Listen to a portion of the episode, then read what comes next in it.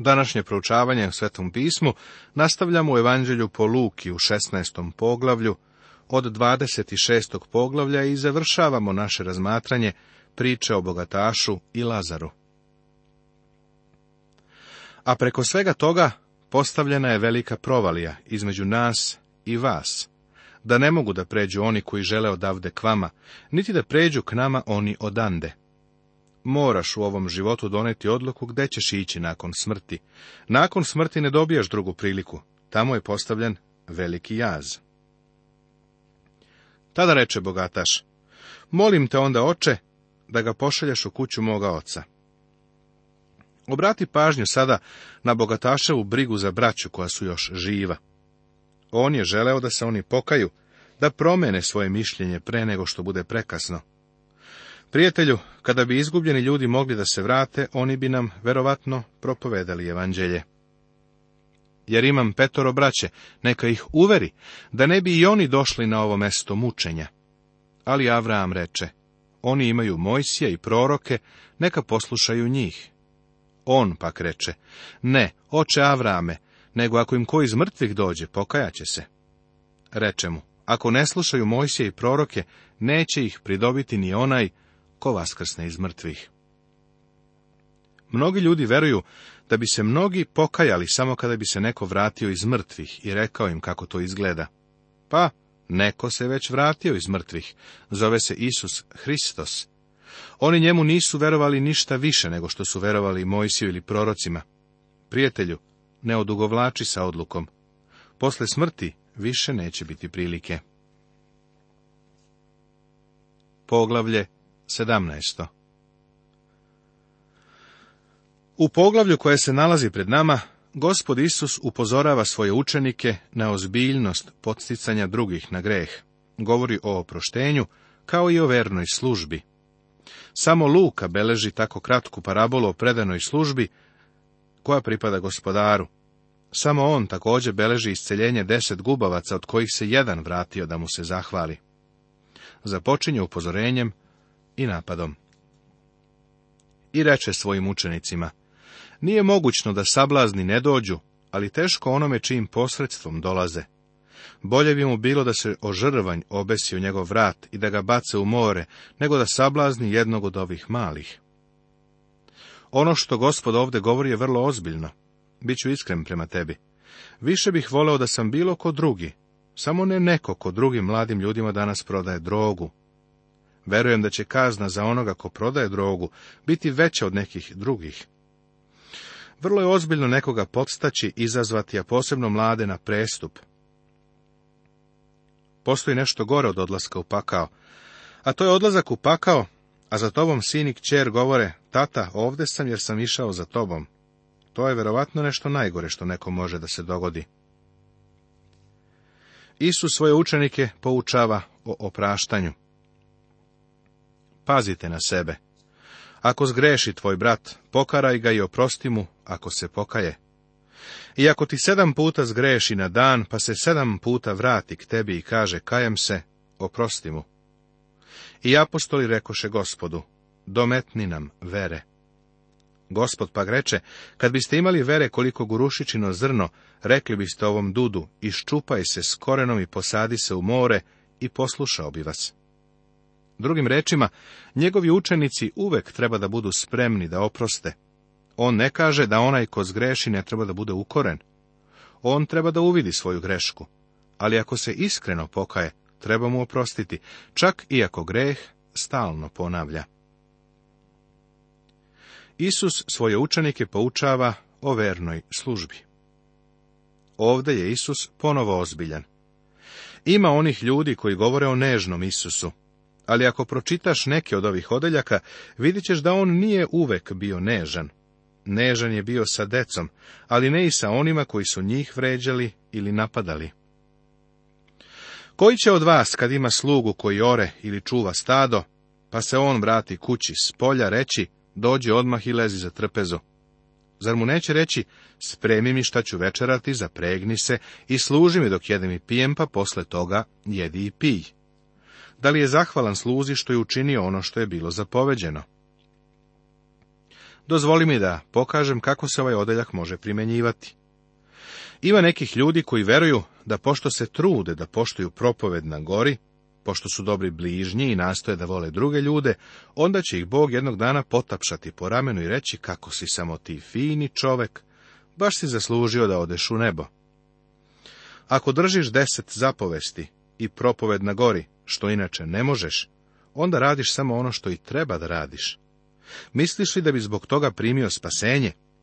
Prijatelju, ovo treba da činiš prosto zato što si jedno od Božih stvorenja. Treba da shvatimo da je spasenje dar, ne možeš ga zaslužiti. Držanje Božijeg zakona je naša dužnost. Tako i vi govorite kad svršite sve što vam je naređeno. Mi smo nekorisne sluge, učinili smo što bismo bili dužni da učinimo. Isus isceljuje gubavce. Jedan Samaričanin se vraća i zahvaljuje. I kada je išao u Jerusalim, prolazio je između Samarije i Galileje. Seti se da je gospod na putu za Jerusalim. I kad je ulazio u jedno selo, sretoše ga deset gubavih ljudi, koji stadoše iz daleka — te podigoše glas govoreći, Isuse učitelju, smiluj se na nas.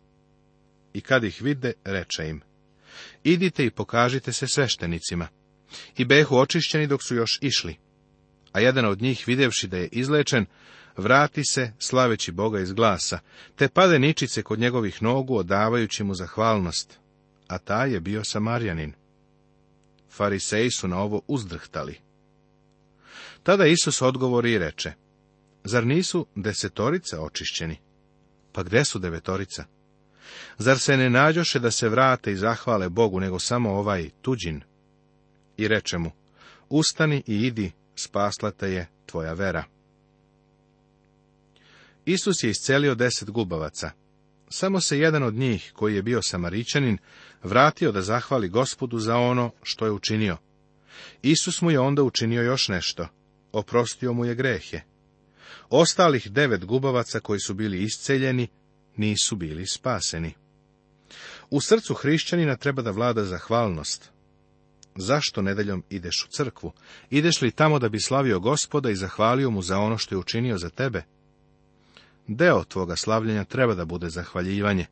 Ono što uvek treba da činimo jeste da gospodu dajemo našu zahvalnost. Kako je divno zahvaljivati mu. Čak treba i da mu se molimo sa zahvaljivanjem. Naše srce treba da je zahvalno prema njemu. Isus govori o duhovnoj prirodi Božijeg carstva.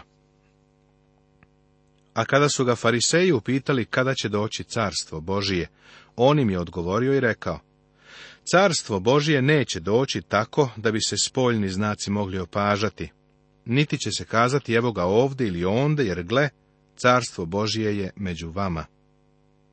Isus govori o činjenici da carstvo Božije neće doći tako da bi se spoljni znaci mogli opažati. Kome on govori?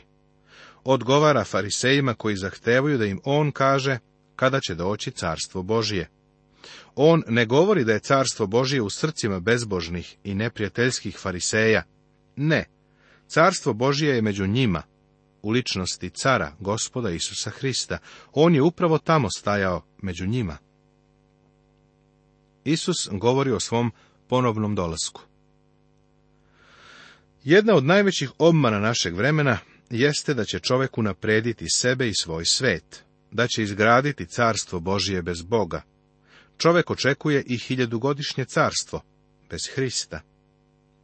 Slavni dan carstva je bio tema mnogo čega što je Hristos govorio. U stvari on je isticao budućnost, nastupajuću promjenu i svoj povratak jedan liberalni teolog iz prošlosti, koji je govorio da je Isus bio propovednik morala, umorio se od toga da samo mehanički ponavlja reči kao papagaj, pa je počeo da proučava reči gospoda Isusa Hrista. Tada je otkrio, a o tome je i knjigu napisao, da je Hristos eshatološki učitelj i da je njegova glavna tema njegov ponovni dolazak na zemlju. U svom značajnom odeljku koji je pred nama, gospod upozorava učenike da se ne varaju u vezi sa njegovim povratkom. Hristov povratak će se desiti u dve faze. Prva faza je ono što nazivamo vaznesenjem crkve, a to je odnošenje pravih vernika. Detalje o ovome nalazimo u prvoj poslanici Solunjanima u četvrtom poglavlju. A ovde, u ovom odeljku, on govori o drugoj fazi svoga povratka, odnosno o povratku na zemlju, kada će se uspostaviti njegovo carstvo. Ovo će se desiti nakon vaznesenja crkve. A učenicima reče, doći će dani kada ćete zaželeti da vidite samo jedan dan sina čovečijeg i nećete vidjeti. I reći će vam, eno ga onde, evo ga ovde, ne idite onamo i ne trčite za njima. Kada je prvi put došao, oni ga nisu priznali, jer su tražili i čekali pobedonosnog Mesiju koji će doći i izbaviti ih od rimskog carstva. Umesto toga on je došao kao beba, živeo je kao zemljoradnik. Sljedeći put on dolazi, ali ne na izolovanom mestu kao što je Vitlejem, već će doći u slavi. Zato ih upozorava da ne obraćaju pažnju na one koji kažu da je on tamo, ili onamo, ili koji kažu da će doći u određeno vreme. Iz ovog razloga ne možeš odrediti datum Hristovog dolaska. Jer kao što munja kad seva, sveti od jednog kraja pod nebom do drugoga, tako će biti sin čovečiji u svoj dan. Kada na ovu zemlju dođe da uspostavi svoje carstvo, to će biti javno kao munja. Uporedi ovo sa njegovom propovedi u Evanđelju po Mateju u 24. poglavlju. Ali on treba prvo mnogo da prepati i da bude odbačen od ovoga naraštaja. Krst je bio u Božijem programu. Isus je otišao putem krsta da bi zadobio tebe i mene. On je vrlo jasno izložio svoj plan, trpeće i odbacit će ga njegov narod. I kako je bilo u Noeve dane, tako će biti i u dane Sina čovečijeg. Kako je bilo u Nojevo vreme? Zašto nas Isus upućuje na to? Jeli su, pili su, ženili se i udavali, sve do dana kada je Noje ušao u kovčeg i dođe potop i uništi ih sve. Šta je bilo loše u ovim stvarima? Brak nije pogrešan u redu je. Šta je loše u jelu i piću? To moramo raditi da bismo živeli. Zašto Isus spominje te stvari? Ovako. nojeva generacija je živela kao da Bog ne postoji, u vremenu kada je sud bio blizu. Danas ljudi jedu i piju, a i ne venčavaju se, iako zajedno žive. I ne uviđaju da je sud Boži tu i u budućnosti. Kada, ne znamo. Isto tako, kao što je bilo u lotove dane, jeli su, pili su, kupovali su, prodavali su, sadili su, zidali su, a onoga dana kada je Lot izišao iz Sodoma, izli se oganj i sumpor sa neba i uništi ih sve. Ovo je divna stvar koju gospod govori u ovom trenutku. Lot je u potpunosti drugačiji od Noja, iako sličnosti ima. Niko u Sodomu nije paničio, nije prodao imanje, spremao se za selitbu iz grada. Tržište papira nije kolabiralo, zato što je Lot rekao da dolazi sud. Oni mu prosto nisu verovali. Bog nije hteo da uništi grad, sve dok Lot nije bio izveden iz njega. Isto tako, gospod neće pustiti veliku nevolju na ovu zemlju, koja neposredno prethodi Hristovom dolasku na zemlju, sve dok on sa ovog sveta ne uzme one koji mu pripadaju. Zanimljivo je da on ovdje koristi Lota, kao primjer, što ne čini u propovedi na gori, u evanđelju po Mateju 24. poglavlju. Razlog je taj što on u Matejevom evanđelju odgovara na njihova pitanja o njegovom dolasku na zemlju kada će se uspostaviti carstvo. Ovdje u Luki imamo širu temu. Sodom je zbog greha bio na samoj ivici uništenja. I onog trenutka kada je Lot napustio grad, došao je sud. Verujem da onog trenutka kada vernici u vaznesenju napuste ovu zemlju, počeće velika nevolja. Isto tako, bit će u onaj dan kad se pojavi sin čoveči. Bog danas na svetu ima ljude koji su u mnogo čemu slični Lotu. Iako su uzverovali u Hrista kao spasitelja, oni prave kompromis sa svetom. Ipak će kao vernici biti uzeti sa ovog sveta pre nego što dođe sudnji dan. Danas svet ne sluša crkvu. Baš kao i u Lotovo vreme, oni misle da se šalimo. Toga dana ko bude na krovu, a njegovo pokućanstvo u kući neka ne silazi da ga uzme. Isto tako ko bude u polju neka se ne vraća natrag. U Matejevom izveštaju o propovedi na gori, gospod Isus obeležava ovo vreme velike nevolje. Sada se ponovo vraćamo u Noevo vreme, tamo gde je Isus počeo. Setite se Lotove žene. Ona je primjer onoga ko nije verovao u Boga. U Sodomu je imala kćeri i prijatelje. Verovatno su tog popodneva igrali partiju tablića. Ona je neprekidno ponavljala, hajde da se vratimo, hajde da se vratimo. Zašto se osvrnula? Nije verovala da će Bog uništiti grad. Zato treba da se sećamo Lotove žene. Za nas je važno da verujemo Bogu. Ko zaželi da održi svoj život, izgubit će ga. Ako ga izgubi, održat će ga živim. Ovo je jedan od onih velikih paradoksa u Bibliji. U to vreme bit će velika gužva da se spasu, ali će već biti prekasno. Oni treba da budu spremni da izgube svoj život i da ga predaju Isusu Hristu. Svaki pokušaj da se u taj dan spasi život neće ništa vredeti. Kažem vam, te noći bit će dva na jednoj postelji, jedan će biti prihvaćen, a drugi će biti ostavljen. Dve žene će zajedno mleti. Jedna će biti prihvaćena, druga će biti ostavljena. Dva će biti u polju, jedan će biti prihvaćena, drugi će biti ostavljen. U Noevo vreme, ko je odnesen sa ovoga sveta? Ko je ostavljen na svetu? Ovde Isus ne govori o vaznesenju crkve. Ovo je baš kao i u propovedi na gori u Mateju 24. poglavlju, direktno upućivanje na to da će se bezbožni odneti na sud, a oni koji će ući u hiljadugodišnje carstvo ostavit će se na zemlji. Obrati pažnju da je Hristos verovao da je zemlja okrugla. Jedan će biti u krevetu, a drugi će raditi na polju. S jedne strane zemlje će biti noć, a na drugoj će biti dan. Zanimljivo, zar ne? Tada progovoriše i rekoše mu gospode, a on im reče, gde je lešina, onda će se i orlovi skupiti. Uporedi ovaj stih sa otkrivenjem Jovanovim 19. poglavljem, 17. stihom. To je ono što nazivamo Armagedonskom bitkom, a to je u stvari Armagedonski rat. On će se okončati kada Hristos dođe da na zemlji ustanovi svoje carstvo. Poglavlje 18. Došli smo do 18. poglavlja, u kome imamo još dve divne parabole, a obe se odnose na molitvu nakon parabola, gospod blagosilja decu, suočava mladog starešinu sa pet od deset božih zapovesti, ponovo objavljuje svoju smrt koja mu se približava i pri ulasku u Jerihon isceljuje slepca.